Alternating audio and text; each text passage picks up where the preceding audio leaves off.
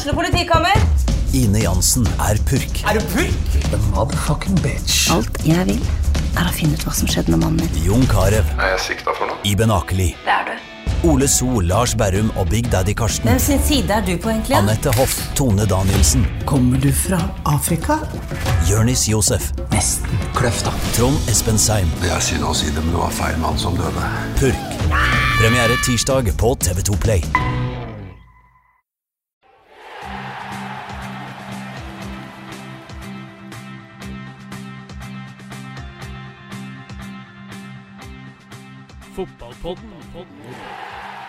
Da har vi gleden av å ønske velkommen til Tønsbergs Blads fotballpodkast første etter sommerferien. Og i dag har vi fått med oss Kent Carlsen, spilleragent og tidligere spiller i Luton.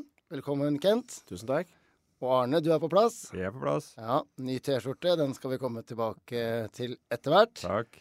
Men uansett så er det Premier League-start, så det er hovedtemaet i dag. Og du, Kent, du har spilt i Luton, og du var på kampen Coventry-Luton. Den viktigste fotballkampen hvert eneste år. Kampen om opprykk til Premier League. Luton klarte det. Fortell. Ja, vi, meg og min samboer Trude vi var så heldige å få tak i billett. Eh, Det var jo ikke så lett, det heller. Det er jo den mest populære kampen også ja, i England, men worldwide ofte den mest verdifulle. Da snakker Var- vi var det 90 000.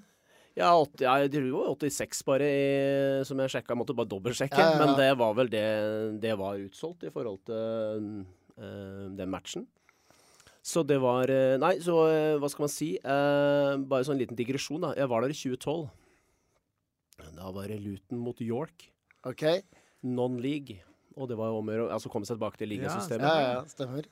Da var det 40 000 der, så det var halvfullt på Wembley. Og da tapte man mot eh, York City 2-1. Oi, oi, oi. Så klart det var litt sånn uh, man, man, Jeg prøvde ikke å tenke for mye på det når man reiste over med fly på lørdag, lørdag morgen. Uh, at skal, man, uh, skal det gjenta seg? For det har jo vært litt sånn Man er på noen playoffer, og så, og så håper man jo på at nå skal det gå bedre. Men eh, tilbake til den eh, hyggelige, hyggelige dagen og kvelden i, eh, nå i mai. Det var eh, Jeg liker alltid å suge inn litt eh, stemning først. Så det var uh, sjekke inn på hotellet rett ved siden av Wembley. Og så hører man jo allerede stemningen sånn i 12-1-tiden. så er det ut og nyte å komme seg inn i fanzone. Ja. For det er for meg også det viktigste innen fotballen. Altså fotballen, du kan si det er jo blitt veldig kommersielt, men det handler også om menneskene. Altså Ja. de som er der uansett. De hadde vært der uansett om det var non-league Ja. Eller playoff til Premier League. Og det er på en måte kontrastene. Det er derfor jeg dro inn den første delen, Ja. at dette er jo kontrasten fra Og det var en fanson da, det var ikke så mange der i 2012, men nå var det helt fullt. Men eh, det, den kampen, altså, det er jo en egen nerve. En fantastisk stemning, oppbygning. ja. Og, eh, og det er dramaturgi. Altså kanskje en av de viktigste spillerne til Luton faller jo om etter en ja, Ja, seks-syv stemmer det. En kollaps eh, som gudskjelov gikk bra. Eh, har ikke funnet noe spesielle eh, feil der, men det var Ikke rett noe hjertegreier?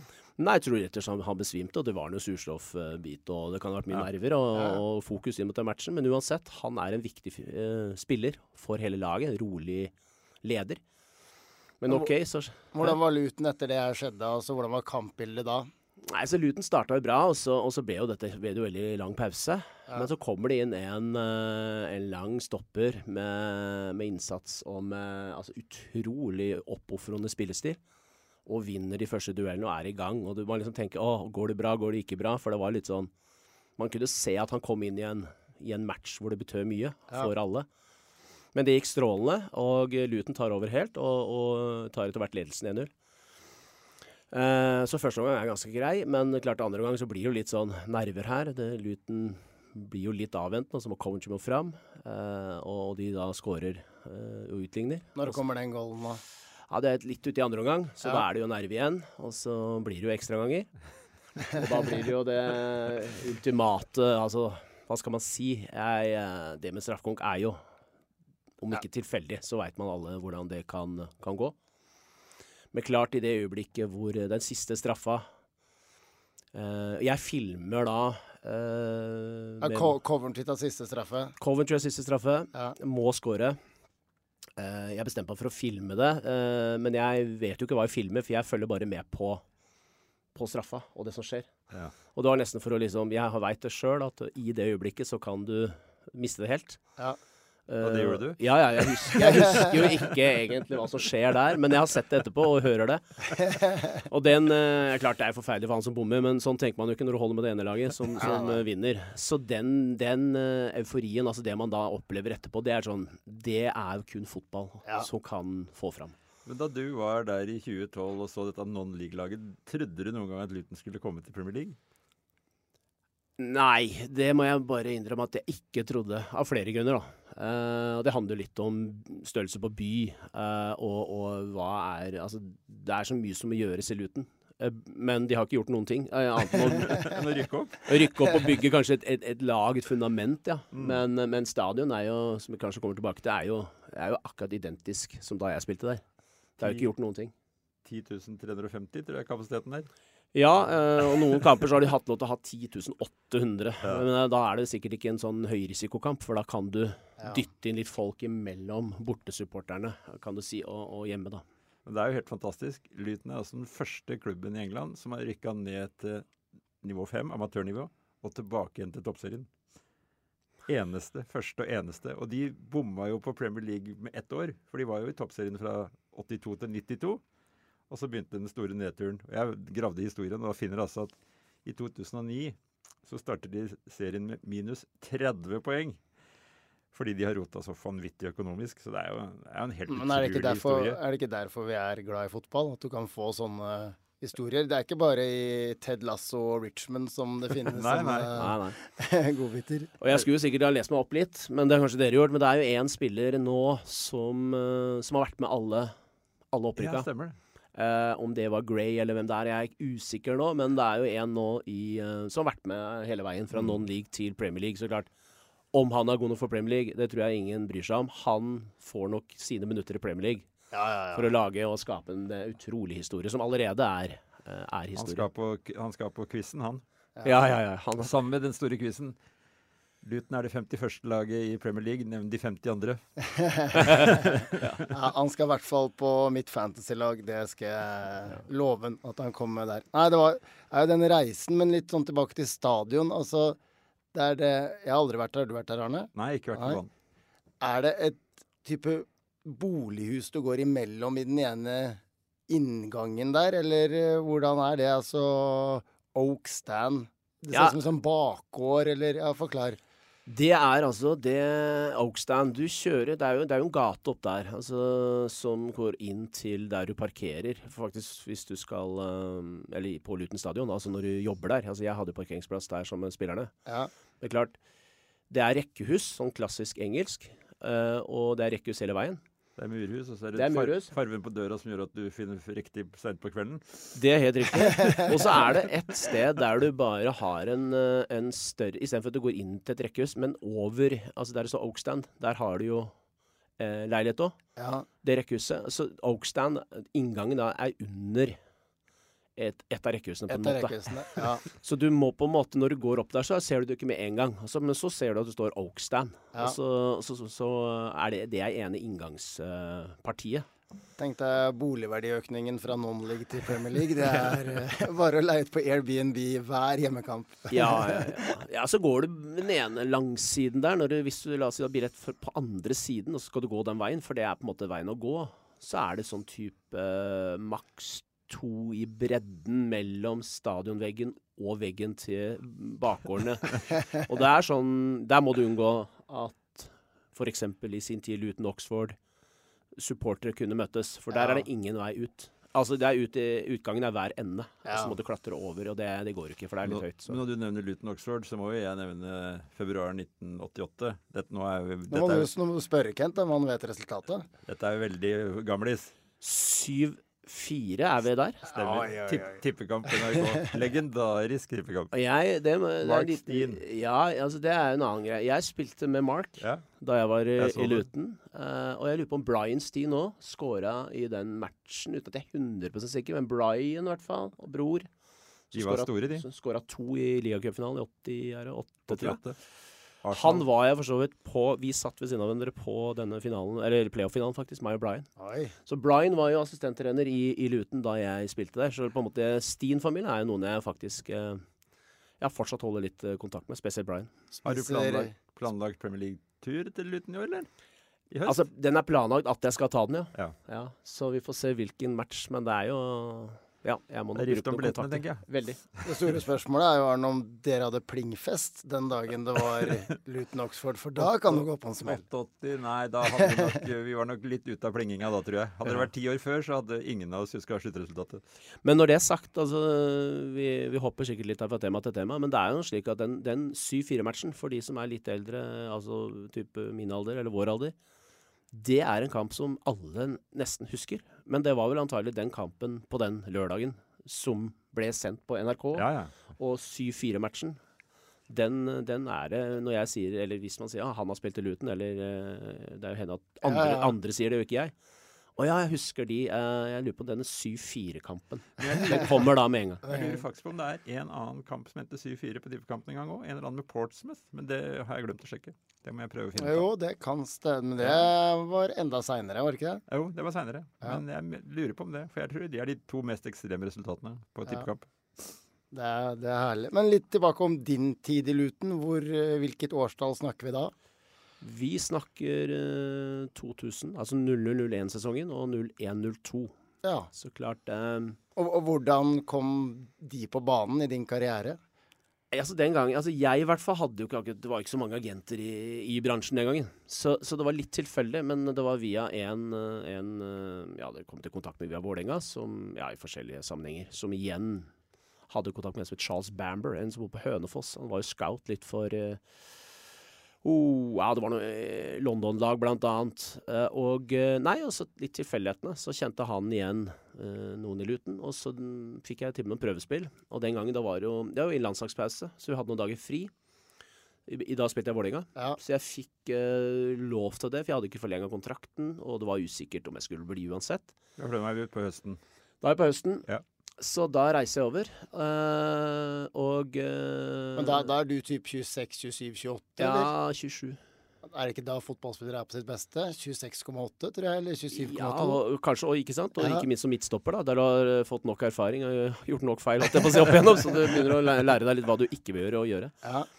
Nei, så flyr over uh, alene. Det var eh, lørdag. Jeg husker gutt, at det er lørdag. Jeg bare husker jeg skulle gå en tur i Luton-området den, uh, den kvelden, og det var jo veldig hva skal man si, Det er jo et veldig sånn asiatisk-indisk uh, område. Ja. Og vanvittig masse lukter og altså, fantastisk deilig følelse. Jeg har litt sånn tidligere da Westham òg. Jeg gikk ut alltid av T-banen der, og i London så får man litt den feelingen at ah, det er litt sånn Det er noe eksotisk. ja, ja, ikke Ja. sant. Og så var det samme følelsen jeg hadde i, i, i Luton. Så nei, dagen etter så invitert på kamp, og det var da klokken tolv. High risk match eh, Luton mot Oxford. Det var det Oxford. Okay. Oxford dukker opp her. Ja, og da var det politiet og oppbud, og det var, det var helt utrolig intenst. Og da, er, da spiller Luton i league one.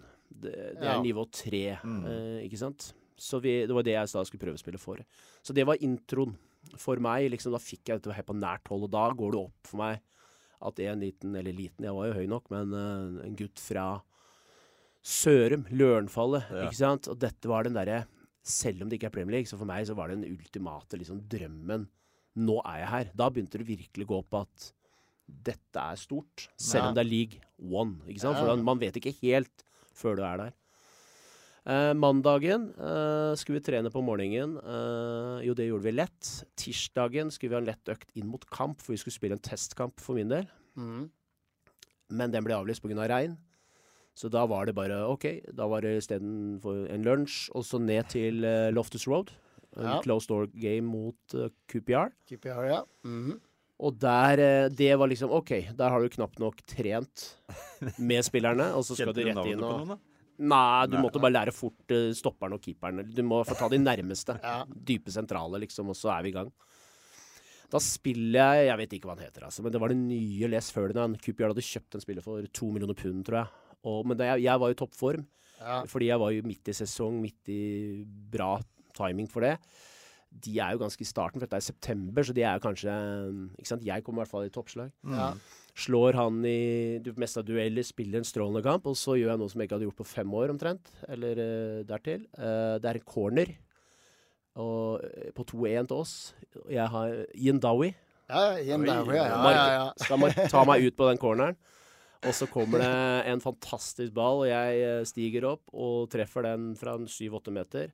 Og den sklir av, holdt jeg på å si, men i lengste Og det er fort gjort å si kryss, men det er faktisk i hvert fall ganske høyt oppe i hjørnet Ja, men den er er, den er ganske I, min, I minnene så er det kryss. Ja. ja, ja. Og da, og da hø får jeg høre etterpå av Brian Steen for eksempel, som sa det at da, da gikk uh, Ricky Hill, Ja. som da var manager, da bare gikk han ned og sa han OK, vi går og signer him. He can even score. Litt fleip, da, men, eh, men eh, Så da var vi i gang. Så da, så da var jeg inne på kontoret allerede onsdag og begynte å diskutere kontrakt. Trente torsdag, og fredag hjem, og så det var eh, Jeg må jo dra en historie om Luton, da, siden du sa det er eksotisk. fordi en standard fleip i England var jo flykapteinene som alltid sa at eh, vi passerer nå Luton, og toalettene er åpne. Men ha, har ikke Luton en egen flyplass? Jo, det lurer jeg på. Jeg Det har tror, de. jeg tror eh. Ryanair har Luton som, som base også. Og, i, og og Easy. EasyJet er jo en veldig stor, stor, del av Luton Airport. Mm. EasyJet. Det er vel ikke så mange av de i Norge, tror jeg. Men uh, Ricky Hill signerte deg, men han varte ikke lenge. For jeg, jeg leste at du endte opp med tre managere denne sesongen.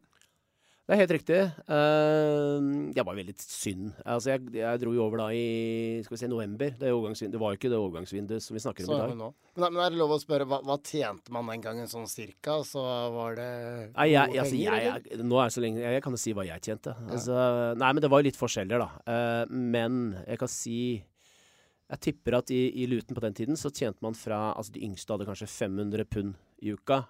Aller yngste. Men da var det jo litt uh, rookie. Eh, til 2000 pund i uka. Ja. Um, og jeg eh, hadde 1250 pund i uka. Ja, Ja. En halv million. da. Og det, men eh, den gangen var det 13, Ja, ja, selvfølgelig. så det var jo bare å veksle. Ja. Nei da, men det, var, det, var, det lå et sted der, så det, det var jo ikke noe sånn altså det, Selvfølgelig en veldig god uh, lønn i forhold til norsk fotball, i hvert fall for, for min del. Ja. Uh, men det var aldri var egentlig aldri det som dro meg over. Altså, det har aldri vært eh, egentlig tanken. Altså, man kan Det viktigste for meg opp igjennom har vært å kunne Kan jeg leve av det slik at jeg kan utøve det som en profesjonell idrett? Hobby. Ja. Det har alltid vært i bånn for meg, da jeg etter hvert skjønte at uh, man kunne være god nok. Ja. For, eh, for den motivasjonen, den indre motivasjonen min, det har egentlig vært fotball. fotballen. Ja, det er, det er det viktigste. Men det er jo opplevelsen, det du sitter og prater om nå, som kanskje er det aller, aller viktigste. Og ser tilbake på det. Og det. 23 Ja. år etterpå så er du fortsatt i fotballen. Ja, det, er jo, det har jo fulgt meg hele, hele veien. Så, Og det er, det er sånn jeg noen ganger så Men det, sånn er det med alle. Man vil gjerne skru tilbake tiden litt. Fordi da man er oppi det, som vi skal litt sånn inn på nå, men da Du tenker veldig ofte neste. Du tenker neste. Det er altså neste kamp, neste trening. Det er liksom øh, du, du, du rekker nesten ikke å sette deg ned og, og ta det innover deg nyte. Eller nyte, kanskje feil ord, da, for vi hadde jo en liten tøff periode i Luton der. Men, Ja, ja. men det derre hele, hele, hele settingen rundt. Men samtidig, da. Så, så det jeg alltid har passa på å nyte, det er jo de stemningene, og bruke det som motivasjon. Altså disse kampene hvor du det koker litt på tribunen, og ta det med inn liksom som Ja. Dette er det jeg eh, Det er dette jeg drømte om. Mm. Så du kan si at uh, i, i, dro jo over i november, som du sier. Uh, og, og Luton er jo ute og, ute og kjøre, ligger på nest siste. Så det jeg kom Jeg fikk en stempling i foten i uh, siste se- eliteseriekampen mot Start. To uker før, to og en halv, som jeg måtte sy og litt sånn. Så jeg var egentlig ikke helt Jeg hadde ikke fått trent på to, to og en halv uke. Men jeg flyr over på en, eh, på en tirsdag, trener Får ikke trent torsdag. Nei. Uh, er oppe på treningsfeltet på fredag, uh, men jeg fikk ikke De sa nei, nei, du trenger ikke å trene, bare se på formasjonsøkta. Ok. Så reiser vi buss på fredag, uh, og da er det um, Vi bor i Manchester, og husker da veldig godt at man kikker litt ut av vinduet og liksom skal tenke litt, så ser jeg litt skrått fra rommet, så ser man det røde lyset fra Old Trafford Ja. fra det hotellet. Ja. Og da går det opp en gang til, for det er litt sånn OK, nå, nå, nå nærmer det seg. Ja. Altså nå er man liksom i Men hvem skal dere spille mot? Vi skal spille mot Bury. Ja, akkurat. Ja, ja. Så det var Bury borte, var åpningen. Og, eh, men klart, man har jo da ikke trent sånn skikkelig, med, i hvert fall ikke med ball på tre uker. Eh, og, og har ikke trent med gutta. Nei. Vi, vi snakker en flat engelsk firer Ja. bak. Ja, Det er Ja. ferdig. Og Så- en midtspiss som er 1,92. Det er helt riktig. Ja. Kanskje enda, enda høyere òg. Alle er det. Playing manager. Men, men, men møtte man alltid to spisser på den tida der? Var det liksom 4-4-2? Ofte, Ferdig? ofte Ja. ferdig. Ja, Den ene var svær. klassisk. Ja, det var veldig klassisk. Så du kan si at det eh, Det som er litt eh, Ja, jeg, jeg kjenner jo at når jeg skal ta på meg skoene, så er det her ganske smertefullt. Men jeg tenkte, jeg må jo bare For jeg skulle starte. Det var jo bare rett inn på laget. Så jeg tenkte ja, OK, her er det bare å, å run for the money, holdt jeg på å si. Eller i hvert fall du må bare vise at uh, du er klar. Men så var det inn til fysioterapeuten, husker jeg, eh, sånn rett før vi varme opp. Så sa han her. Så, sa han, eh, så rører han rundt i en kopp der. Så sa han ta det her sånn. Det var en pa- painkiller sånn. Så jeg tenkte ja, ja, greit, jeg tar jo det for noe Paracet-lignende sånn. Ja. Og så, så er det ganske vondt, men så merker jeg ut på oppvarmingen etter hvert, så går det mer og mer over. Hva fikk, hva fikk du, da? Det har jeg lurt på den dag i dag. Hva var det i den koppen? det er litt sånn man tenker OK, hva var det i den koppen? Men uh, jeg starta kampen. eh, jeg kom samtidig med en finske som het Petri Helin. Uh, så vi gjorde akkurat det samme. Han trente jo. Det var forskjellen på meg og han når vi kom, da vi kom. Han skåra, og, og, og så skåra de. Du er 1-1. Eh, og jeg husker jeg redda et mål rett før slutt der, så vi fikk jo på en måte en sånn fin start. da 1-1 Ja. borte mot Bury var en vanskelig kamp. Ja, ja. Så, men det jeg faktisk glemte å si, var at uh, Arne, du var innom en, eh, den, den høye stopp... Nei, spissen. Mm. Det var jo spillet manager. Det som er litt rart i England, er at uh, hvis du er for tett opp i ryggen, eller litt for aggressiv, og hvert så bare legger de seg opp på ballen. Altså, og så får de frispark. Jeg trodde jo at det var det motsatte. Du kommer litt sånn I Norge så var jeg litt aggressiv, prøvde å bryte foran. Hvis ikke Ja, ja. skulle du Men her måtte jeg ta i enda mer. Så jeg tenkte, skal jeg virkelig? Så jeg var bare oppe i ryggen. Han faller av banen etter fire-fem minutter. Og så får frispark. Jeg bare OK, tenker jeg. Det kan jo skje. At dommeren ser feil. Eller at Mm. Så går det, jeg husker det godt, for rundt 19-20 minutter. Og så er jeg er oppe i ryggen på han i ballmottak, rundt eh, ti meter inn bare på vår banehalvdel, så er det langt fra egen mål. Og jeg virkelig skal bryte, og, og så faller han på ballen. Frispark. Og da kommer dommeren bort til meg. Så sa han uh, Mr. Carlsen. Jeg vet det er det på engelsk, da, men jeg vet det er din første match. Se på klokka der oppe. Det er 70 minutter igjen. Nå må du ta det med ro. og det var på en måte en sånn inngang Du, til engelsk du forventa knokkel, du? Ja, jeg trodde det, og forventa Og visste kanskje ikke hva det andre jeg skulle forvente. Det andre jeg fikk i, rett i ansiktet, var at uh, jeg var helt utslett etter 20-25 minutter. Tenkte jeg, og Det hadde litt med treningsgrunnlaget mitt de siste to-tre ukene å gjøre. Men det hadde også en del med å gjøre med dette med tempo i England. ja. Helt galskap.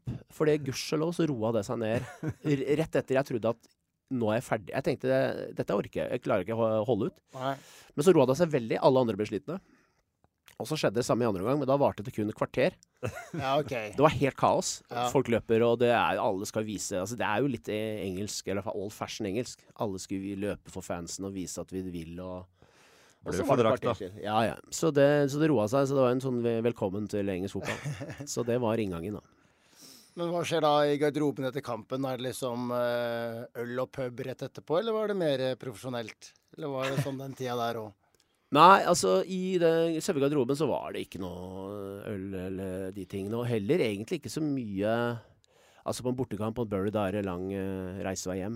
Ja. Så det var ikke den type. Men du kan si uh, i, i lørdager etter kamper, spesielt hjemme, også for så vidt borte, som ikke var så langt unna, så, så likte man å gå ut. Men det var ikke helt Jeg opplevde ikke det sånn helt på, på nært hold. Men det, det skal sies. Det var noen mandager ja. hvor spesielt de fire-fem som kom med toget fra London, gikk inn til fysioen, og så sa de at jeg hadde litt vondt her eller der. Det var for å få den ene spesielle painkiller-tabletten som fysioterapeuten hadde. For Ja. de, han visste, fysioterapeuten, hva det handla om, helt sikkert. Uh, men uh, de måtte ikke si hvorfor. De, Nei, de skyldte på en skade. Da Ja. kunne fysioterapeuten ut den tabletten. Ja, ja, ja. Så det, det var nok litt så det hang igjen. Det, men det var i ferd med å endres litt. Men samtidig så, så var det nok noen som De, eh, de sier jo det at det var Wenger faktisk som gjorde om på veldig mye av kulturen Stemmer. når toget hans uh, dukka opp. Når han begynte å kreve kostholdsendringer, da de gamle spillerne var jo helt rista. I hvert fall Tony Adams. Ja, i hvert fall jeg. Paul Merson. Men taktikken før kampene, var det, var det noe hensyn til motstander, eller var på en måte alt skrevet i stein, alle de tre ulike managerne du spilte under? Altså, du kan si Ricky var jo en, en eh, fantastisk Han var jo med på treningene fortsatt, litt innimellom. Når vi mangla spillere, så han håpa nesten vi mangla en spiller, for da kunne Ricky være med. okay, Og han var ja. god. Ja. Så han var nok mer opptatt av eget spill. Eh, han var Jeg sier ikke han var forut for sin tid, men de, den type manager hadde jo vært perfekt i dag. Og også de siste, fem, seks, sju, kanskje ti årene. Ja. Men da, hvis du ikke vinner fotballkamper, eller nok, så er du litt eh, utsatt. Selvfølgelig. Så da kommer det inn en eh, jeg vet ikke italiener, men Lil Fucillo, som var i klubben. Gammel legende, det òg, Ja, han spilte jo der, og Mm. han skulle da gjøre det stikk motsatte. Da var det om å gjøre å skremme Altså litt sånn eh, skremme og være litt uh, Hva skal vi si? Ja, det skulle spilles langt, det skulle løpes, det skulle bare fightes. Altså litt den der gamle stilen. Og, og det ble litt sånn Da var det om å gjøre å si for noe sparke høyest, løpe lengst. Uh, ikke noe sånn særlig plan, men det var mer en fighting spirit. Um, han varte ikke så lenge, han. Nei, og han prøvde seg jo for å Han prøvde jo egentlig å Hva skal man si, ja? Få skifta ut en del. Så han eh, Jeg husker ikke, det er i januar 01. Så sender han utpå et, et lag som han håper ryker åt skogen i cupen. Dette var tredje runde i FA-cupen. Ja. Uh, og det er mot Queens Park borte. Da er spissparet Peter Crouch og, og Chris Kvomia. Da er vi tilbake til én lang og én kort. Én rask og én ja, Nå var ikke Peter Cross. Han var ganske rask allikevel. Chris Kvomia var han i Ipswich en gang i tida også. Ja. Det stemmer. Så det er eh, ja. Ikke dårlig, det. Jeg måtte bare Selv om jeg er litt yngre enn dere, så greit. Ja, ja. Nei, og der eh, er vi Og det som er, da, vi som spiller den kampen uh, Vi Altså, vi spiller kanskje over evne som lag. Så vi, eh, vi, vi leder jo lenge den kampen. Det er jo kanskje den største opplevelsen jeg hadde der borte, på Loftus Road. Det er eh, Jeg tror det er mer eller mindre utsolgt. Par og 20 000. Og, og da er QPR er de toppen, eller Championship, i hvert fall. championship, ja. hvert fall? Ja. Og der er det så ille at eh, der Dette er Jeg hører ikke. Og midtstopperen som står sinna, eller vi, vi spiller sammen, vi får ikke kommunisert verbalt første ti minutta. Det er altså et, et sinnssykt høyt uh, støynivå. Uh, jeg har jo hatt historien et par andre steder før, men i etter bare ti minutter der, Ja. så skal jeg prøve å bryte foran med Peter Crouch eh, på sida på et innkast. Hvor han bare skal ta ned på brystet. Da er det jo opp med armene. Uh, albuen hans treffer jo nesa mi. Og det blør jo. Og jeg får jo da ikke på grunn av det, Jeg får jo ikke kontakt med dommeren før det har gått et par-tre minutter. Så får han uh, Stopperen ga meg ikke noe sympati. Bare, han sa bare 'play on, play on'. Men jeg må jo sjekke det. Uh, hadde for øvrig Fikk jo nesebrudd i den. Men, uh, men saken er da ut til fysioterapeuten. Han tar opp to fingre, tre fingre. Jeg svarer to, tre, eller to, and tre. Og da var det jo 'play on'. Og da er det jo det resten av matchen. Men vi, vi klarer ekstraomganger. Uh, vi er rett, tror jeg, 117. minutt, tror jeg, så skårer de 2-1. Så det er jo, vi ryker jo, men samtidig så Det ble jo ikke den planen til Lill Fucillo. For han skulle nok bare fortelle styret eh, at vi må ha mange nye spillere. Ja. Disse holder ikke. Og det var ikke nødvendigvis meg, for at jeg hadde jo vært en av som Lille hadde vært med og henta. Men samtidig så var det en del både og eh, som var med den matchen. Så det var på en måte, for meg så var det et vendepunkt blant supportere. For da var jeg rett inn på laget etterpå igjen, for han Lill prøvde å liksom Ja, ja. vekke meg litt, da. Det er jo ingenting som slår an som England som å spille med litt blod.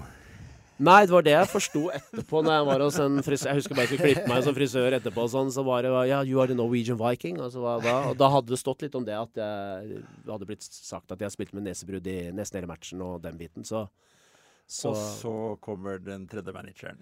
Ja, før dette, må vi si det. Vi, vi skulle spille en bortekamp, øh, og, og så ble den avlyst pga. Av snø. Og så har vi en lett trening. Og, og Matthew Spring, som for øvrig hadde en ålreit karriere etterpå, spilte i Leeds etterpå, eh, klinker til. Eh, så jeg i, i kneet mitt så gjør at jeg får en kneskade i, i sein januar der. For da er jeg på vei til å spille meg inn på laget, for nå fikk jeg posisjonen som ikke sant, Som jeg kanskje hadde måtte fighte meg litt til og vise at jeg var god nok. Ja. Så da går jeg på skade, og det er jo greit å ta med, for Mm. Joe kommer da inn. Og Joe er Joe Kinnear. Joe Kinnear kommer da inn i den uh, Beskriv perioden. han litt, Arne, for eh, lytterne. Han spilte i Tottenham og var en ganske god midtbanespiller. Og så blir han manager seinere og gjør utrolig mye rart. Jeg husker han jo best fordi han ender opp i Newcastle under den forhatte Mike Ashley. Og første pressekonferansen hans med pressekorpset, da jeg lurer på om de telte at han banna 93 ganger. Så klarer han også, i løpet av den tida si, så klarer han å kalle en fransk landslagsspiller som heter Johan Kabay, han klarer å kalle han for Johan Kebab i et intervju. Og en annen som heter N. Sogbia, blir kalt Insomnia. Så du kan si, han hadde ikke mye respekt hos noen til slutt. Så Joe Kinnear, altså. Han vil jeg gjerne høre noen historier om. Ja, det er eh, Hva skal man si? Det er eh, Altså, han kom jo inn, da. Eh, Joe Kinnear, du har jo beskrevet han. Så han har jo en utrolig standing power. Det er jo det som er spesielt med England, og spesielt spillere, i hvert fall på lower level, da, som jeg spilte. Hvis det er en manager som har gjort det bra tidligere, eller altså det er tidligere spiller, men spesielt manager, så er det sånn Da kan de gjøre hva de vil med de gutta, i hvert fall i en periode, fordi de tror på alt han sier. Ja. Det er litt mer den der Ja, he know what he's doing because he's done it before. Altså, det var, det var den. Så selv om du følte at nå driver vi med noe Dette her var jo litt rart, men du bare gjør det. ja, ja. ja. det er sikkert det vi skal gjøre. Ja, for da vinner vi sikkert. Og, så, så, og han var jo Det var liksom mer man to man. Altså, det var din mann i matchen. Altså, du visste at hvis du spilte midtbane, så spilte du mot han. Ja. Du spilte 4-4-2, men du hadde din mann. Altså, det var litt sånn Hva skal man si, ja? I verken ingenting. Men der er det også, i hvert fall Hvis, logikken var hvis alle vant sin Ja. duell i kampen, så vant de kampen. Det er litt den. Ja. Det er det som hockey, liksom. Vinner du droppen, så, så vinner du matchen. Altså, det, det var litt den. Men da Joe eh, var Hadde den Altså, alle løp for Joe. Alle Det var play to the corner. Altså, det var mot cornerflagget. Hvis du ikke vant første, så vant du andre ball. Ja, ja. Det var uh, galskap. Altså, han hadde jo The Crazy Gang i Wimbledon. Mm. Det var litt sånn det var. Både defensiv dødball, offensiv dødball. Det var bare å all in i alle. Men fikk han deg litt mer koko i topplokka, så at du ofra liv og lemmer enda mer enn normalt? Jeg, eh, for min del Ja. Nei, altså, man ble jo litt sånn Man blir jo litt uh, Til å begynne med så spilte jeg jo ikke, fordi jeg var jo ute med den skaden. Men så kom jeg inn igjen, da, i tropp, og man ble jo litt sånn Tenkte at hvis jeg først skal spille nå, så må jeg jo bare gå inn med galskapen han vil ha. For du, du, du er nødt til å tilpasse deg, tenker jeg. Ja. Du har en spillestil selv, og så må du tilpasse deg. Mm. Så klart, det han fikk, var jo de spillerne til å bli eh, noen helt sånne villdyr. Eh, og, eh, eh, og, og disse talene, som jeg ikke kan gjengi, da, fordi at de, de inneholder 93 pluss eh, F-ord. Det var jo slik at uh, det var FFF, altså på, på Så du, du Det var dette med å skape en, en, en enhet, da, som Ja. fighta sammen. Så kan si jeg uh, kom i hvert fall under Joe inn i siste seriekamp. Da er vi jo nede, dessverre. Okay. Så 4. eller 5. mai, et eller annet der. Uh, så får vi en skade i 40. Og så tar det litt tid, og så kommer jeg inn. Uh, og da Dette er litt sånn type Joe, da. Han visste jo hvem jeg var, men samtidig så skal han late litt sånn. Så når jeg det var, Jeg husker godt det var første frisparket de hadde i første omgang der. Rett før pause. Høy ball, og så meg mot en spiss. Og jeg vinner den duellen noe så altså sånn helt galskap. Tenkte jeg nå må bare inn og all in. Ja. Sånn kamikaze-opplegg. Han blir liggende i bakken, og jeg header den ballen 15-20 meter. Altså liksom den klareringen, og så blåser man til halftime.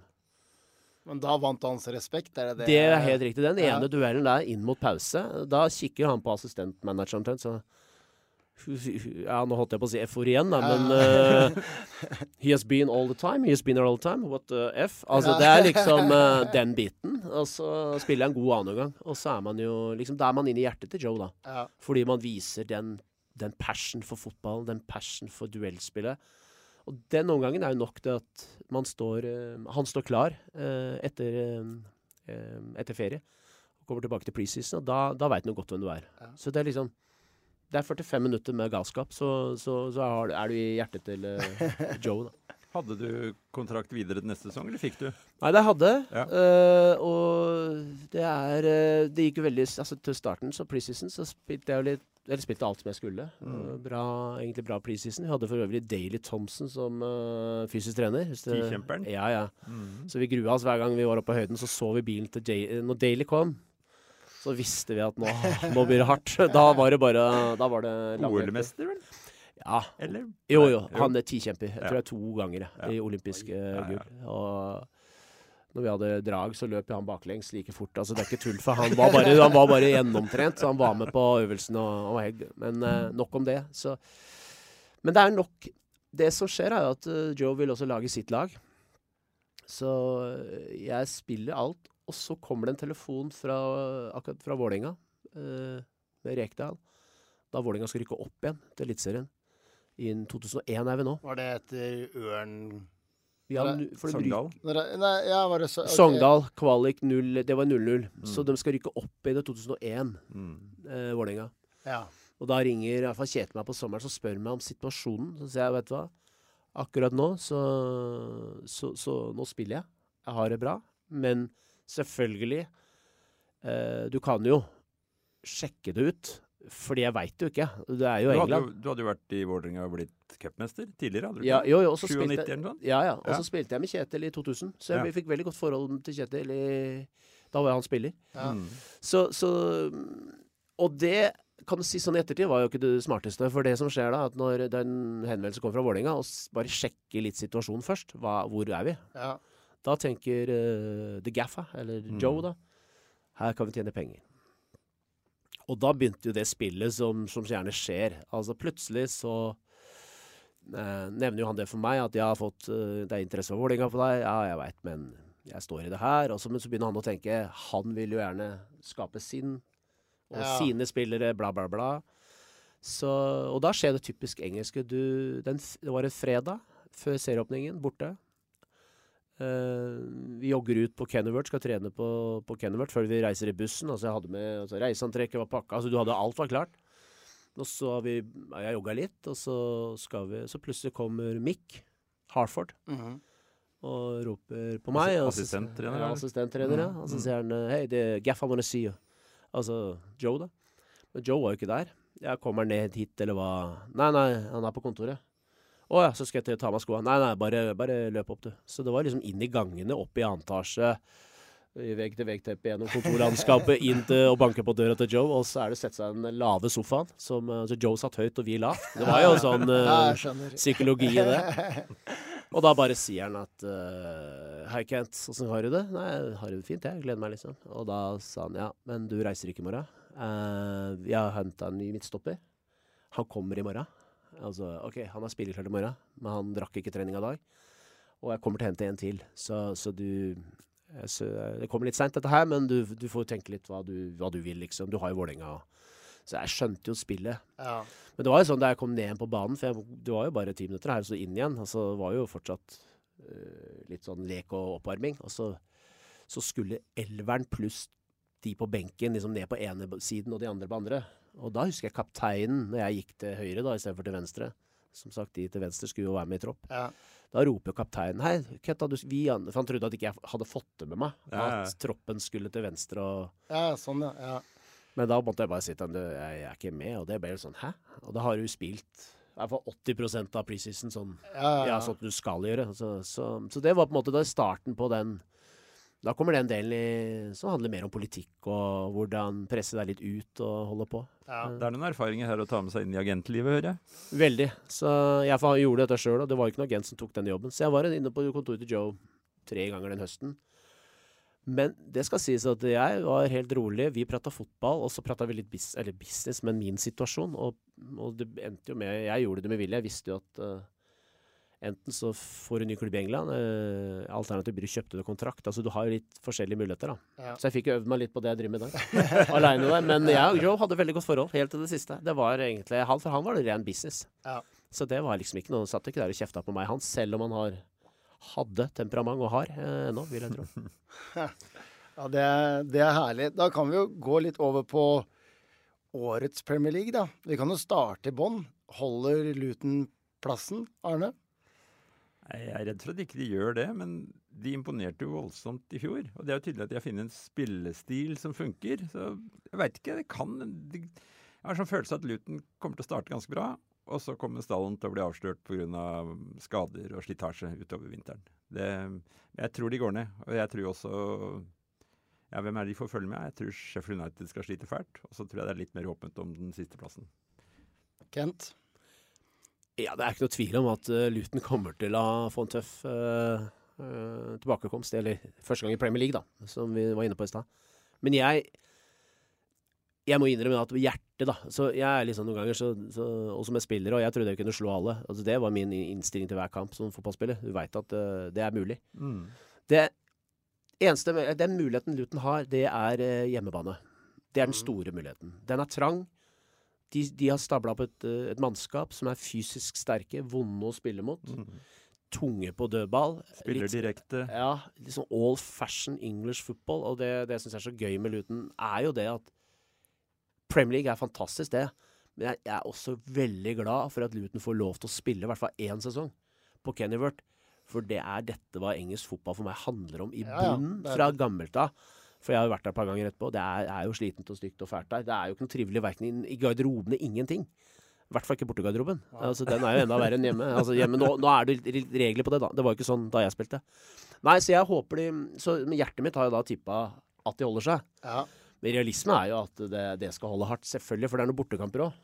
Du er nødt til å plukke litt bort. Så skal det jo sies at det er aldri vært så mange svake lag. Da. Altså, du har Bournemouth som holdt seg, Wolverhampton ja. er helt ribba. Ja, Everton, eh, ja men de er, de har Sean Dice, da. Ja, jo, men uklart å se hva som skjer i Westham, f.eks. Ja, så det, ja, det, nå, nå, må jeg innrømme at jeg måtte jukse litt. For, for det, det, er jo så mye som skjer at jeg noen gang bare setter av på pause, så begynner jeg å kikke litt siste 14 dagene igjen. For det, det, er så mye rykter. Ja. Men jeg så også Palace, for eksempel, som, som, som alltid klarer seg, liksom. Men allikevel, de, når de eksempel mister Saha Eller du kan ja, si hva du vil om de gamle uh, mm. ulvene, da, men nå har fått inn én spiller, hvis det stemmer, da, per, per 31.07. Selv om jeg tror de faktisk holder seg. Altså, jeg er litt sånn på Bernie, Bournemouth, Sheffield U. Ja. Hjerte og derfor hjertet mitt sier at Luton får den eh, fjerde siste. Og så liksom. er det alltid sånn første sesongen så får ja. man 10 mer go, så De kommer ja. langt på entusiasme til ute i oktober. Det er helt overbevist Ja, og det dere kommer til å høre, da, det er jo den enorme stemningen som er på Kennyworth. Mm. Det, jeg sier ikke at det skaffer poeng alene, da, men det er en Altså, det er vanvittig.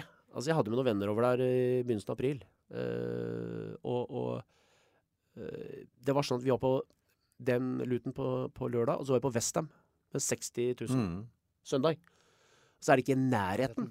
Den, altså, det, det, altså stemningen i Luton er femgangeren enn det som var på Westham. Og jeg er glad i Westham. Jeg har alltid likt å gå Nei, på Westham. Er det fordi det bare er såpebobler, eller er det Nei, men jeg tror bare at det blir Det, det blir litt sånn stort, og så går det sånn i bølger. Det som skjer når du er på Kennyworth, det er at de synger og hoier kampen gjennom. Og de klapper kampen kan, og i hvert fall hvis de leder, så reiser altså og står bare Og det, det er en sånn unison, det bare det dunker i ja, murpussen. Hvis men, du er på toalettet der, så får du mur i hodet. Hæ? Det som er morsomt når du reiser til England og drar utafor de store arenaene, det er jo at du opplever forskjellen på de som kommer for å bidra til stemningen, og de som kommer for å oppleve stemningen. Og på de store arenaene nå så er det masse turister som vil oppleve stemningen, men noen må jo skape den. På Kenilworth Road så er det 10 000 entusiaster, ikke sant? og de brenner for klubben sin. Og jeg, jeg har, masse, har, masse, fotballturer med gutta mine, og vi var på rare steder som Accrington, Stanley og Darlington og you name it. Og det var så moro. For der, der virkelig betød, det noe, altså. Ja, men det er jo akkurat det som betegner engelsk fotball, da. Men vil det være mulig å få tak i billetter i år, eller er det klin umulig på en Luton-match? Ja, det, det, kommer jo til å bli, bli tøft. Det, det, er det som er en, et spørsmål. Hvordan skal de fordele eh, noe av det? Eh, fordi hvis de, de, hadde jo solgt ut alt med en gang. Hvis de hadde, for det har jo vært utsolgt nå i tre-fire år. Mm. Så, så, det er jo mulig, men jeg tror du skal være litt heldig. Eller ha noen kontakter og, og få det til. Da. Så, men jeg skal nå prøve å få meg et par matcher, jeg.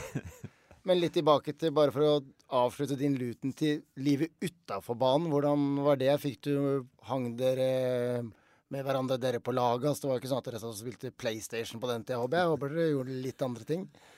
Ja, det, du kan si det, det var kanskje det Altså en alder av 27-28 så tenker man da skal man jo klare å altså, trives utenfor, utenfor banen, på en måte. Altså, man trivdes jo, men klart Det som er at de, mange av de reiste jo tilbake til sine familier eller eh, venner eller eh, etter trening.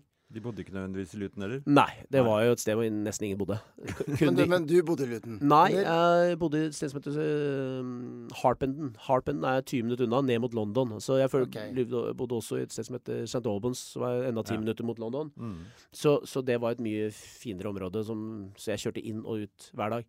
Uh, nei, så du kan si det, det Gjennom ukedagene så, så var det trening, og så var det egentlig bare å spise lunsjen på stadion, og så var det litt hjem. og hadde noen golfrunder, ikke at det var sånn voldsomt. eh, men, men det var nok det som man kanskje opplever når, du- når du er altså proff, da, for å kalle det, i et annet land Ja. så er det mye tid. Noe skal du selvfølgelig bruke til å hvile, og, og til å begynne med så er det jo, i hvert fall når du er litt anglofil, eller var det i hvert fall, så, Ja. Så var det liksom det å ha Skysport og ned på sofaen og hvile og se litt på. Men klart, du blir jo lei av det òg. Så du kan si at det livet utenfor var nok litt eh, periodevis. Altså, For, altså er det en form for ensomhet? ja, det er jo Ja. det. Og, og du hadde jo ikke samme altså Det, var, jo- det høres ut som svart-hvitt-TV, da, men det var Det ikke var et nesten samme det. Ja, men det, den, jo, dette med internett og FaceTimer og Det var jo ikke liksom samme tilgang på det. Altså, Altså du hadde ikke kontakten med omverdenen hjemme, som eh, man hadde Nei, det var hatt i 2023? Nei, for det var fortsatt den tiden da jeg så beskrivelsene i norsk medie av en scoring i England. Ja. Og så lo jeg, for den, jeg hadde sett den live. Og sa at det var ikke i nærheten. Det, altså det skuddet som gikk i knallhardt i hjørnet, det var jo ikke det. Nei. Altså du, du, vi var fortsatt der, da. Ja. Men, eh, men når det er sagt, altså, så var det også veldig sosialt på, på Du var litt innom det i stad, men på en kampdag, etter kampdag, og i hvert fall etter seire, så også, ikke minst du Joe. Ja. Joe jagde oss ut omtrent på byen, sammen. Sa at eh, nå går dere ut og tar dere noen eh, ja, Ja. kalde øl, og er som et lag sammen. Og det gjorde han også på treningsleir med, med, med Joe. Veldig Skape den dyna, gruppedynamikken, da. Ja. Så, så du kan si at jeg hadde det jo bra, men samtidig så er det jo innimellom du, du Selv om noen hjemme tenker ja, men du bodde rett utafor London. Men du drar ikke ned til London aleine. I hvert fall ikke med en par ganger. Så er du lei av det. Altså, Ja. så, men eh, Det høres ut som jeg klager, da, men det, men det er ikke Nei, det. nei, men men det- er- du, får er- en, du må lære deg å være en- litt alene, da. Ja. Mye nyttige erfaringer her. ja, men det er bra. Da går vi til toppen, da. Topp fire. Da kan du starte, Kent, den gangen her. Ja, altså, jeg trodde jeg ikke skulle sitte og si det, men akkurat nå så er det også litt hjerte der. Og det er eh, fordi at uh, Altså, jeg holder, har alltid holdt med Liverpool. Og jeg er veldig usikker på den uh, Det kommer Det er mye, det er jo en måned igjen snart av vinduet. Eller snaut, da. Så mye kan Eller noe, kanskje. Ikke mye. Jeg kjenner jo hvordan de jobber der. Så jeg har Liverpool på topp fire. Ja. Men det er jo Jeg er usikker, fordi eh, det er store mangler, spesielt sentralt i banen, og én stoppeplass. Det må én, tror jeg, inn. For, å, for det kommer til å skje skader, i hvert fall erfaringsmessig. Så så vi det i fjor. Det lakk jo som en sil. Ja, og det så altså, Treningskamper skal du ikke følge, og så klarte jeg liksom å kikke på den kampen mot Bayern litt i går. Det er fire baklengs. Så skal du ikke tenke på det, så gjør du det likevel. Da. Det, er, så- det er så dumt, da, for det er preseason. Det er bare masse trening og, med under klopp. Så, så er det mye mm. tunget økter. Nei, men så jeg har, har de med. Jeg har Arsenal. Nå fikk jo de en, plutselig en skade, da, uh, som Ja. kan være litt dumt for de, men jeg tror Arsenal kan bli veldig sterke igjen. Uh, hvis de bare fortsetter og ikke begynner å forsvare noe som de egentlig De må bare jakte. Hvis de fortsetter å jakte, så tror jeg faktisk de har en fair mulighet faktisk til å ta det hele veien. Det skal jo selvfølgelig ha litt stolpe inn. City er blir jo fortsatt sterke. Men jeg tror Gundogan eksempel er, er viktigere for det laget enn man Altså, han var jo viktig, alle skjønner det, men jeg tror det er enda viktigere enn det man Når du ikke har han der. Ja. Han plutselig så begynte han å skåre som bare rakkeren siste halvdel, og ja, du ser hvilken eminent spiller han er, da. Og så, så er jeg litt sånn eh, Jeg har jo noen venner som holder med et par eh, fiender. Da, så vi skal til Igjen hjertet, da, så er jeg, er jeg på at, Da blir det Newcastle inn i topp fire. Eh, så vi blir jo spent å høre sidemann her på det. Eh, for for jeg, jeg, jeg er usikker på United fortsatt. Jeg tror fortsatt det er Det blir ny opplevelse Eller, det blir det ikke, men nå er det Europacup òg på de. Og da er jeg spent hvem Det kan jo også være med Newcastle, men hvem klarer begge deler? Og hvem orker å stå i det? Liverpool har i hvert fall ikke klart det, i hvert fall ikke siste året. De har fått retur på retur på grunn av det. Så det er topp fire med Newcastle inn, eh, og Liverpool. Som sagt, det er litt med hjertet Jeg deler vurderingen din, jeg, men jeg tror faktisk at eh, United tar den siste topp fire-kampplassen. Jeg tror Newcastle har forsterka, men ikke nok i forhold til det de skal ut og gjøre. I fjor så hadde Newcastle flest spillere med mest spilletid. Det betyr at du var veldig stabil elver og veldig mange som spilte veldig mye. Det kan de ikke gjøre i år. Og de har ikke så brei stall som uh, disse andre laga, og det tror jeg kommer til å gjøre forskjellen. Og det, der kommer, uh, det kommer Brighton til å merke, som skal spille Europa. Også Aston Villa kommer til å merke det, som jeg mener de har gjort kjempevindu med tre helt klare forsterkninger igjen i hvert ledd. Allikevel, de har ikke 22 kvalitetsspillere. Newcastle har kanskje 15-16. Men sammenligner deg med City, Arsenal, Liverpool, United, så er kvaliteten på stallene bedre. Og da, hvis managerne gjør en ålreit jobb, så skal de fire ta topp fire-plassene. Tror jeg. Men uh, vi får se. Jeg er jo Tottenham, men jeg tror tro på Arsenal, faktisk. Jeg bare syns de signeringene er sinnssyke. Og som du sa, Kent, hvis de tør å kjøre på Det var det som, derfor de tapte gull i fjor, for de begynte å forsvare noe. Ja. Så liker jeg jo det at det Villa-signeringen som du nevner, Arne, at de kan eh, bli avgjørende, selv om Europa har veldig, veldig mye å si. Så har du jo en knallmanager, da, som han Emery kan jo sette opp kampplan mot hvem som helst. Ja, og det er det som er gøy med Brighton også, med Serbi-baller, som altså hvordan han har klart å skape et, uh, et lag som bare spiller kanskje en av de kuleste fotballene i Europa. Men de Så- kommer nok til å bli litt mer avslørt i år. Ja da, det, Ja. Det, det, det kan være. Men Folk jeg, lærer i løpet av en sesong, altså. jeg skal ikke si hvem, men jeg tror United eller Liverpool uh, flopper. Og så er jeg glad i Porcetino, men Chelsea Jeg veit ikke om de er friskmeldt. Det tar litt tid å sette laget. Chelsea kommer til å bli dritgode, men jeg er ikke sikker på om de blir i år. Eh, Han Men de, men de, han har, er- ikke, de har han- ikke Europa, så får de en bra start. Han er en toppmanager, og det er jo et vanvittig spillerstall med talentfulle unggutter. Og så kan det hende at de har, bytt, de har jo ti ut og ti inn, eller noe sånt, har de ikke det? ja, det er det. Det er det Ja. jeg tenker på med Chelsea. så, jeg så neste år ja. kanskje. Det er det jeg tenker. Jeg tror Pochettino kommer til å gjøre store ting med Chelsea. Altså, Ja, tror jeg, på og- sikt. Ja, men så trenger du kanskje to år. I hvert fall altså, litt for bare for å justere. Er jo, han er jo en taktiker av rang, han òg, og flink til å sette sammen. Men så skal det Det er jo mange Mm. gode. Det er jo ikke alltid alle gode er gode sammen. Altså, fotball er fortsatt lag, lagidrett. Så, så det, og jeg deler det du det er inne på. Det med Aston Villa, jeg snakka med en i går, det var litt inside, men der Emry, for eksempel, han eh, han ser, og dette er sikre kilder, uh, matcha eh, tre av sine egne matcher tre til fire ganger. Hmm. Hver eneste match. Ja, hver eneste match. Ja. Uh, og rett og slett, det er den analytiske delen, da. Så utfordringen til han er faktisk at han kan slite ut omgivelsene litt. For det er klart han har så mye informasjon, så han propper over. Han Mm. elsker å være på, kontor, altså, er på kontoret, ja, ja. men du vet hva jeg mener? Ja. Det er alltid en balanse i det her, da, men, men eh, at det er en dyktig manager. Det er uten tvil. Og så tror jeg at Burnley blir nye Fulham. Får vi se om de klarer en uh, snike seg til en 9.-10.-plass. Ja, Hvis de gjør det, så er det ikke noe tvil om hvem som kommer til å overta Manchester City om noen år, iallfall. Nei, Da blir det Vincent Company. som- Ja, ja. det, det ligger i korta. Ja. Men fra England så må vi innom litt lokalt også. Nå klarte FK Eik Tønsberg etter en svak førsteomgang mot Sandefjord 2, så bretta de opp armene og viste at eh, menn er menn, og gjorde jobben. Hvordan går det i høst mellom dem og Porskent? Hva er ditt tips? Nei, det, det, jeg tror den kommer til å vare helt inn. Jeg tror heller ikke såkalte seriefinalen mot Porsche hjemme blir helt avgjørende. Men den kan jo bli det. det men jeg, jeg, jeg sitter med følelsen at begge de kommer til å, å holde litt inn. Jeg ser litt på Porsche nå, hvor de har hatt tre eller fire på rad, hvor de, de skårer i 90. eller 97. tror jeg denne matchen. Ja. Det helt sjukt. Så det, det, det kjennetegner et lag som faktisk eh, bikker de kampene til sin favør. Mm.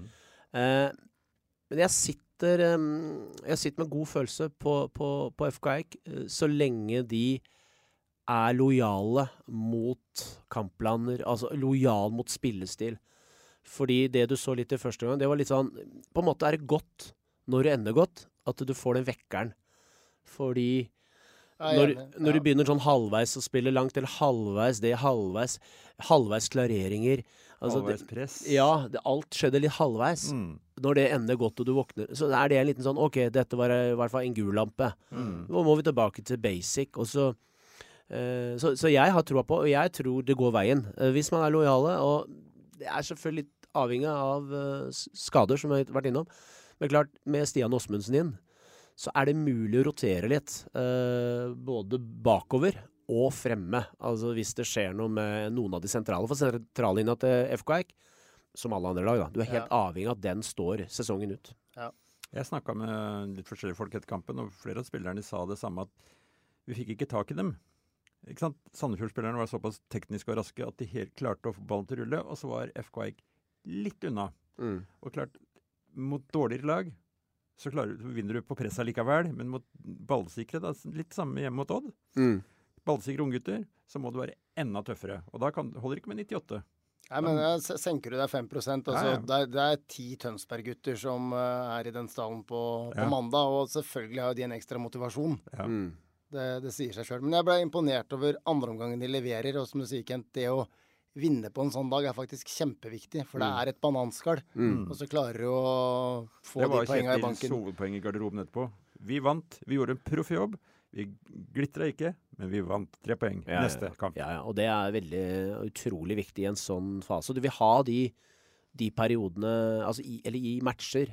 Du må, du- og det er viktig å Mentalt, i hvert fall. Være klar på at de kommer. Mm. Så det handler om å prøve å holde, gjøre de kortest mulig, de periodene. Og så ikke liksom miste fatningen av noen ting. De vet de slår tilbake, og de, de er gode og de er sterke, så det handler om eh, Men igjen, jeg, jeg tror det går eh, Jeg tror det, kan, jeg tror det går. Ja. Men det kommer til å være kamp helt inn. Jeg tror ikke det blir avgjort omtrent før eh, Det er enten nest siste eller siste serierunde uansett. Jeg er ganske sikker på det. Ja, det blir, blir en spennende høst. Og så er det jo det alle sier, at det kommer du forbi det nå, det første nivået.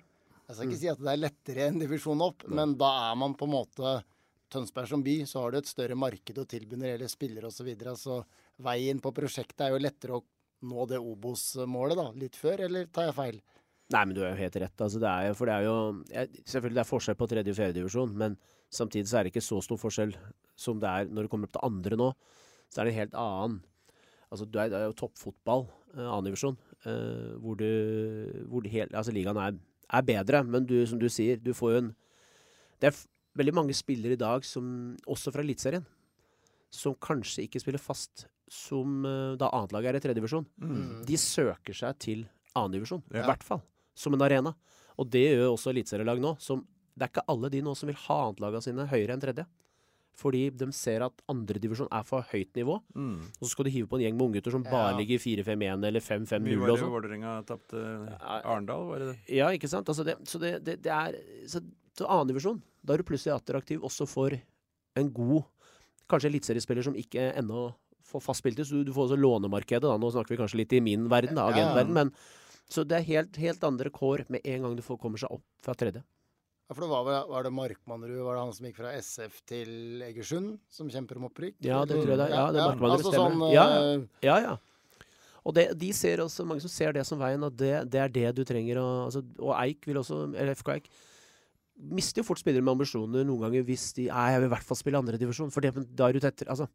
Så det der henger litt sammen. Så det, det er helt annen eh, Det er det å komme seg opp, da. Mm. Ja, men Det blir spennende å, å følge. Den høsten blir spennende. Men helt avslutningsvis, siden vi har det her, vi skal ikke prate om virksomheten din nå, men litt sånn for unge talenter som er ambisiøse.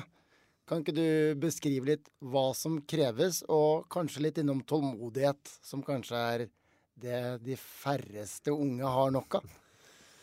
Ja, altså det, det kunne vært en egen podkast, selvfølgelig. For det, det, er, det er så vidt begrep. Men jeg, jeg tror det, til syvende Først og fremst så handler det om at uansett hvor du bor hen, altså da mener jeg hvor du er født hen, uh, og, og, og hvilken klubb du er, er i nær, nærheten av, så kan du bli veldig god i fotball. Jente som gutt. Det handler først og fremst om altså For det første er det gleden. Uh, den flammen. Den, jeg- den snakker jeg mye om til unge spillere på tunge dager, eh, så, så må du aldri glemme flammen, altså gleden ved idretten. Hvorfor starta du, hvorfor Det finnes alltid en gressflekk å trene på og øve på. Altså, jeg mener, det, det, Du skal ikke store arealer til for å, for, å, for å øve på å bli i, god i fotball. Og det er liksom som faren til Martin nå, Ødegaard, da, Ja. sa at det er fort gjort å Nei, men Hvis du er fra Spania eller uh, Argentina, så har du jo forhold hele året. Men det var ikke noe unnskyldning i der de kommer fra. De sa nei, men det fins alltid en kunstgressflekk. Det fins alltid et sted å trene. Jeg, kan, jeg må bare skyte inn på det. For det var, jeg husker ikke helt navnet. Jo, jeg lurer på om det het Kurt Heggestad. Ble landslagsspiller på U15 for Sogndal. Han kom fra ei bygd lenger inne i fjordene der, hvor det ikke fantes fotballbane. Ja, det er jo Ja, men det er, det er jo sånn. Men du kan si at for å være litt mer konkret, da, så handler det om Den leken med ball. Det handler om å Det handler om å trene mye. Men så er hva er trening? For meg så handler det om uh, den leiken du har med venner også på banen. Men så er det den vi etterlyser litt i Norge noen ganger. At det, noen baner står helt tomme. Um, og det jeg også sier, at hvis du skal bli best, eller i hvert fall beste versjon av deg sjøl, det er litt fint å si, Ja, ja, si det, men, men du er nødt til å trene mer enn kameraten din. Ja. Eh, og for de som er på vår alder, Øyvind Leonardsen elska å trene når, når det var dårlig vær, for da visste han at de andre ikke trente. ja, og det er jo litt det, og det er på en måte Ja, og det er det jeg også sier, at du, du, det er de der dagene du går ut og trener selv om det er dårlig vær. Du går ut og øver, men du leker med ball. Dette med å, å bruke nok tid på det. Altså, og de spillerne som jeg opplever som, som, som bruker nok tid, de blir så de, de øver så mye at de kjenner sjøl hvorfor bomma jeg på det skuddet eller den pasningen, for de merker at de traff litt feil på ball eh, eller standfot osv.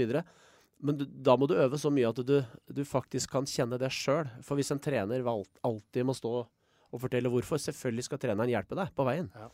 Uh, men jeg tror tilbake til det med den derre gleden, og da det, det, Du var inne på det med tålmodighet, ikke sant. Mm. Og klart, det er noen som blir litt lei i perioder. Det er også ikke farlig.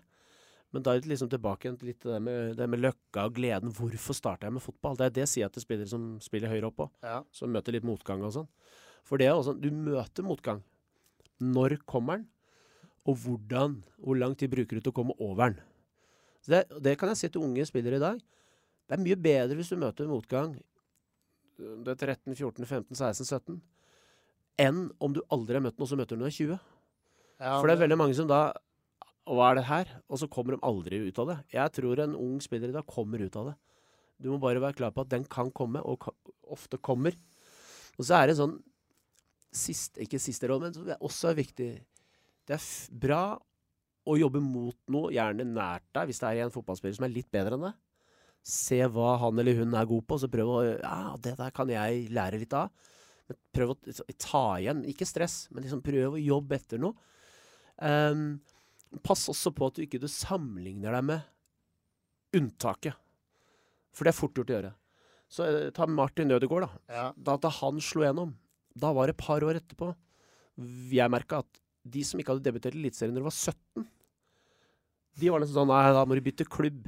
Nei, det går ikke. Eller legge opp. Legge opp, ja. Fordi at Martin ja, men Se på Martin. Han, ja, ja, så tenkte man at ja, ja, siden han er så god, så OK, han fikk debutere da han var 16, eller 15 år og et eller annet. Det var han fylte 16.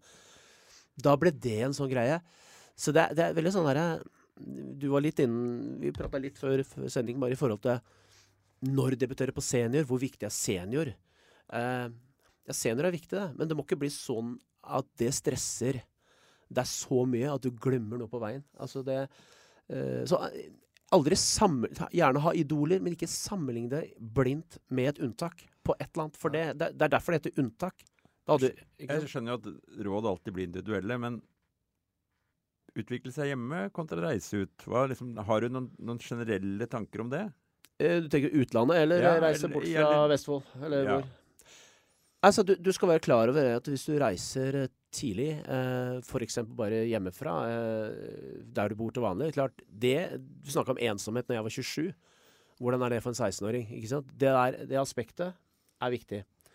Men hvis du tenker ut, da, litt enklere å si, hvis du drar til utlandet, hvis vi drar det så langt for de som gjerne higer etter det i ung alder Hvis du bare blir én i mengden dit du kommer, det der er jo alltid en balanse. Altså eh, hvis du er 20 stykker da, i hver årgang, så blir du én i mengden. For mange er det litt vanskelig å takle. Mm. Fordi tidligere har du kanskje vært sentral og fått ja, du har vært stjerna, Ja. Mm. ikke sant? Og så er det balanse i det. Du skal ikke bare være best hele tida, det er ikke det. Men samtidig, hvis du bare er tilfeldigheter, da. Eh, eller ikke tilfeldig, men du blir tilfeldig. Hvem er det som kommer gjennom det nåløyet? Så det er ikke noe fasitsvar på. Men de som har lykkes fra norsk fotball, som har gått ut litt seinere, var, var unge dem òg. Men Sander Berge, Martin Ødegaard, eh, Erling Braut Mhm. selvfølgelig. De dro ut unge, men de ble kjøpt som seniorspillere, altså inn i en seniorstall. Ikke sant? Mm. Og da er, det, da er vi litt større enn Ikke kanskje det vi tråla inn i det store talentgarnet, liksom. Nei, for da, er du, da har du lagt såpass mye penger, ressurser i det, da.